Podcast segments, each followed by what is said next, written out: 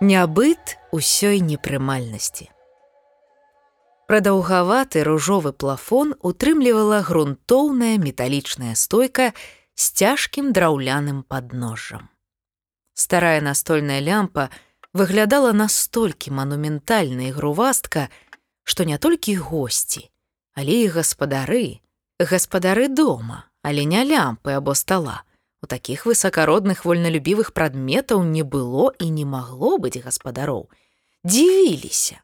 Як пад ёй яшчэ не разваліўся стол, якому акрамя таго прыходзілася ўтрымліваць на сваіх плячах шмат усяго іншага.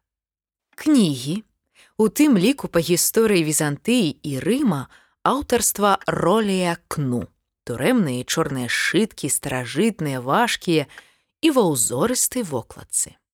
Паперы з запісамі, акуляры, настольны і наручны гадзіннік, апошні варта адзначыць, хоць і дасягнуў ужо 104 гадоў, яшчэ ні разу не ламаўся і не адставаў. Прэс-пап'е пісьмовыя прыналежнасці, сярод якіх мелася і самая пасрэдная асадка з эмблемай таварыства QK каля пяці рамак з фотаздымкамі, каля, бо адзін-два перыядычна вярталі і забіралі, каб упрыгожыць імі залу да прыходу гасцей. Девять спісаных нататнікаў і пяць чыстых з аркушамі тонкай белай і шчыльнай крэмавай паперы, тры пары запанкаў у аксамітных футляралах, маленькая анучка, якой праціралі шкло акуляраў, гадзіннікаў або элементы іншых аксесуараў заціск для гальштука, якім скарысталіся ўсяго аднойчы. Белы гіпсавы бюст невядомага байкапісца, два флакона парфумы, хаатычная і звонкая звязка ўсіх запасных ключоў, на якой суседнічалі ключ ад камода з ключом ад веранды, а ключ ад жаночай сумачкі з ключом ад тайніка ды завадной цацкі. Партсігар і скрыначка з нюхальным тытунём два пярсцёнкі, заручальны і для асаблівых выпадкаў. Металічная кніжная закладка з арнаментам, драўляная расчоска, ланцужок і трошкі смецця, якое заўсёды варта прыбіраць загадзя. Інакш яно, як правіла, абжываецца непрыкметна і надоўга. Нітка з біркамі аднекалі новага ваўнянага пінжака, некалькі гузікаў ад розных кашуль старанна скручаныя фанцікі з-пад цукерак маркі лярош груф. Пустая бляшаначка ад ледзянцоў, зламаная запальнічка, пачак запалак, выкарыстаная упаковачная папера, скрутак з рэшткамі нітак, тры коркі ад віна і адзін ад піва, стужачка невядомага паходжання, лінейка, на якой сцёрліся дзяленні, бутаньерка, квіткі на цягнік і аўтобус, непатрэбная бірулька і дэталь механічнай цацкі, якую ўласнаруч змайстраваў малады хударлявы хлопец на невялікай сямейнай вытворчасці, якую заснаваў яшчэ яго прадзед, які ў маладосці да бяспамятства любіў граць у більярд, які замовіў з-за мяжы ягоны бацька, які ў камандзіроўках на дыпламатычнай службе аб'ехаў амаль увесь свет.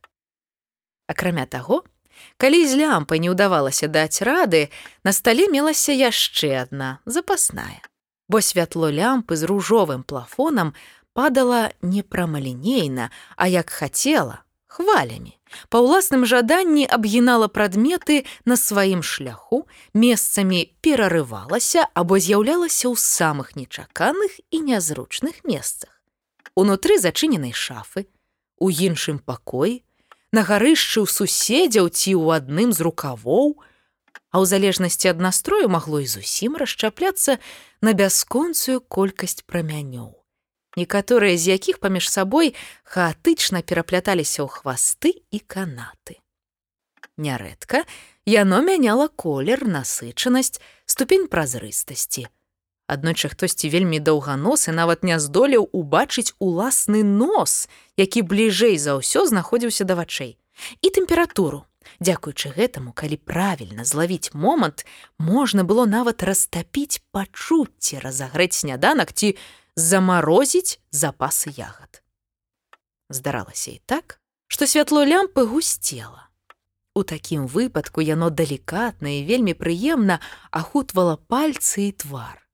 А часам і зусім зацвярдзявала так, што на яго можна было паставіць кубачак, што, безумоўна, вельмі зручна падчас захопленай працы або чытання. Не менш зручна на зацвярдзелым святле лямпы з ружовым плафонам было пакідаць успамін, ідэю ці думку пакуль вымушаны ненадоўга адлучыцца з-за стола, каб адказаць на тэлефонны званок, ці высветліць, хто чакае за ўваходнымі дзвярыма пасля непрацяглага глухога груку. Часам ледзь чутнога, але прытым назойлівага. У адзін з такіх выпадкаў нованароджаная думка не засталася чакаць як гэта належыць сур'ёзнай завершанай са спелай думцы, у якую б яна верагодна вырасла, калі б не гуллівы настрой, які суправаджаў яе з'яўленне ў гэтым свеце. Ды выправілася далей па зацвярдзелай паверхні. Як мяркуецца з цікаўнасці, каб дасягнуць месца, да якога святло лямпы з ружовым плафонам няздольнае дацягнуцца. Так яна дабралася да горада белых дамоў дзе ўсе сцены ўсіх пабудоў здаўна мелі адзін колер, што прыцягвала сюды найпрыгажэйшых жывёл з усіх ваколіц. Асабліва карлікавых коней і блакітных галубоў, якія, не баючыся, расхаджвалі па вуліцах і завулках, ды ўпрыгожвалі сваёй прысутнасцю горад. Абыходзілі бокам яны толькі адну сцяну, плоскасць якой, засцілала мноства цёмных абрысаў. Ценяў жывых істот і прадметаў, што з'яўляліся на ёй, адбіваліся і напластоўваліся адна на адну гадамі ды стагоддзямі. Цені ад сонца недаўгавечныя і сыходзяць разам з ім, але тое былі цені, якія спарадзіў магніт, невелізарны, як можа падацца, а маленькі, ды з вельмі моцным уздзеяннем. Ён выпадкова трапіў у прымежку, з якой узвялі сцяну насупраць, чыя сіла назаўжды адганяла святло ад месца, якое некалі засланіў аб'ект, хто-небудзь ці што-небудзь перад ім. Хоць і здавалася, што гэтыя цені замерлі, насамрэч, яны ўвесь час рухаліся, але вельмі павольна. Калі б 50 тысяч гадзін пракруціць у тысячу разоў хутчэй, то можна было б заўважыць вокам спектакль, які яны разыгрывалі. Так, напрыклад, ніхто гэтага не заўважаў, але на адным участку сцяны, раней цалкам чорным, а цяпер ізноў белым, цені ўсё ж паступова зніклі. Цень аднаго чалавека забіў іншага, з'еў цень жывёлы і яблыка, зламаў цень крэсла, а пазней памёр ды знік сам. Але разагнаць ценю магчыма было самастойна, уласнаруч.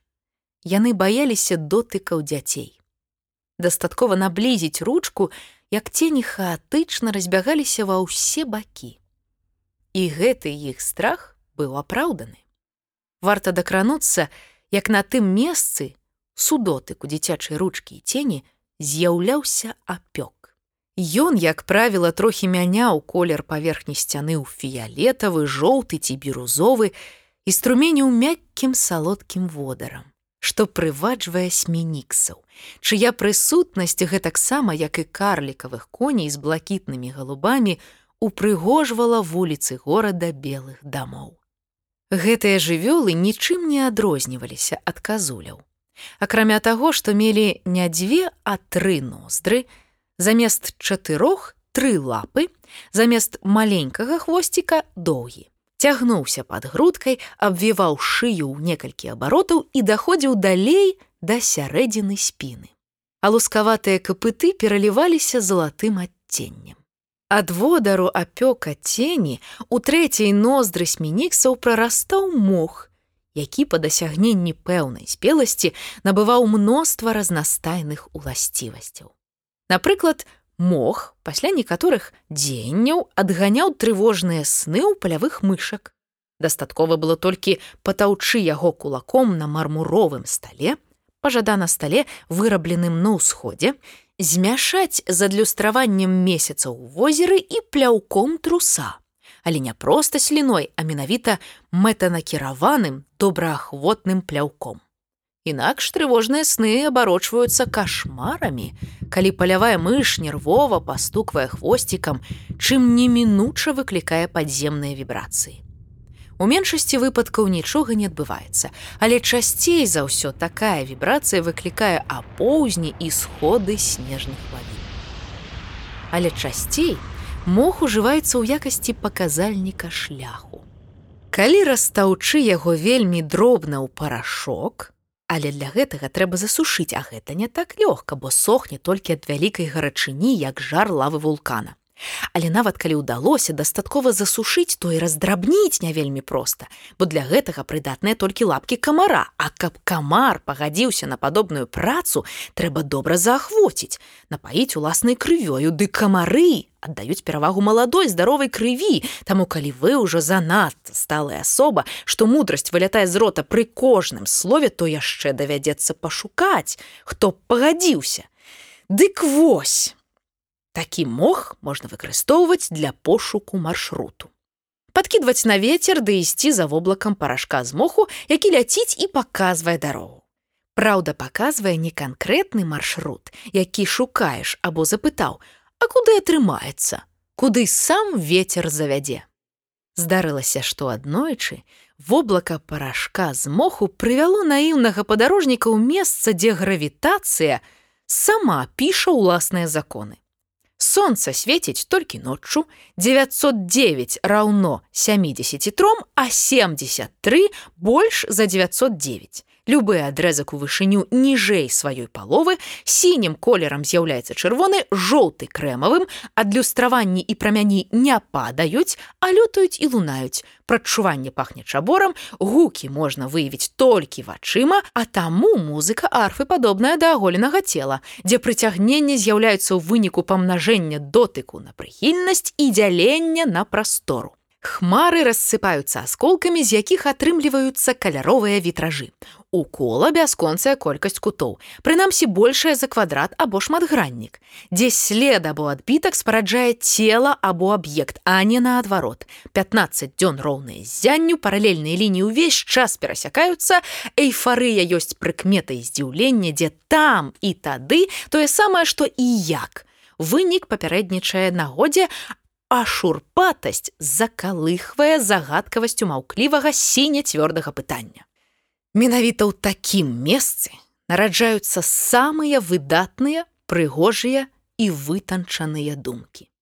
Таму думка, якую нованароджанай пакінулі чакаць на зацвярдзелым святле ад лямпы з ружовым плафонам і якая паспела пасталець падчас шляху, калі нарэшце трапіла сюды, так хвалявалася бо прагла ведаць, ці гэта ейная радзіма.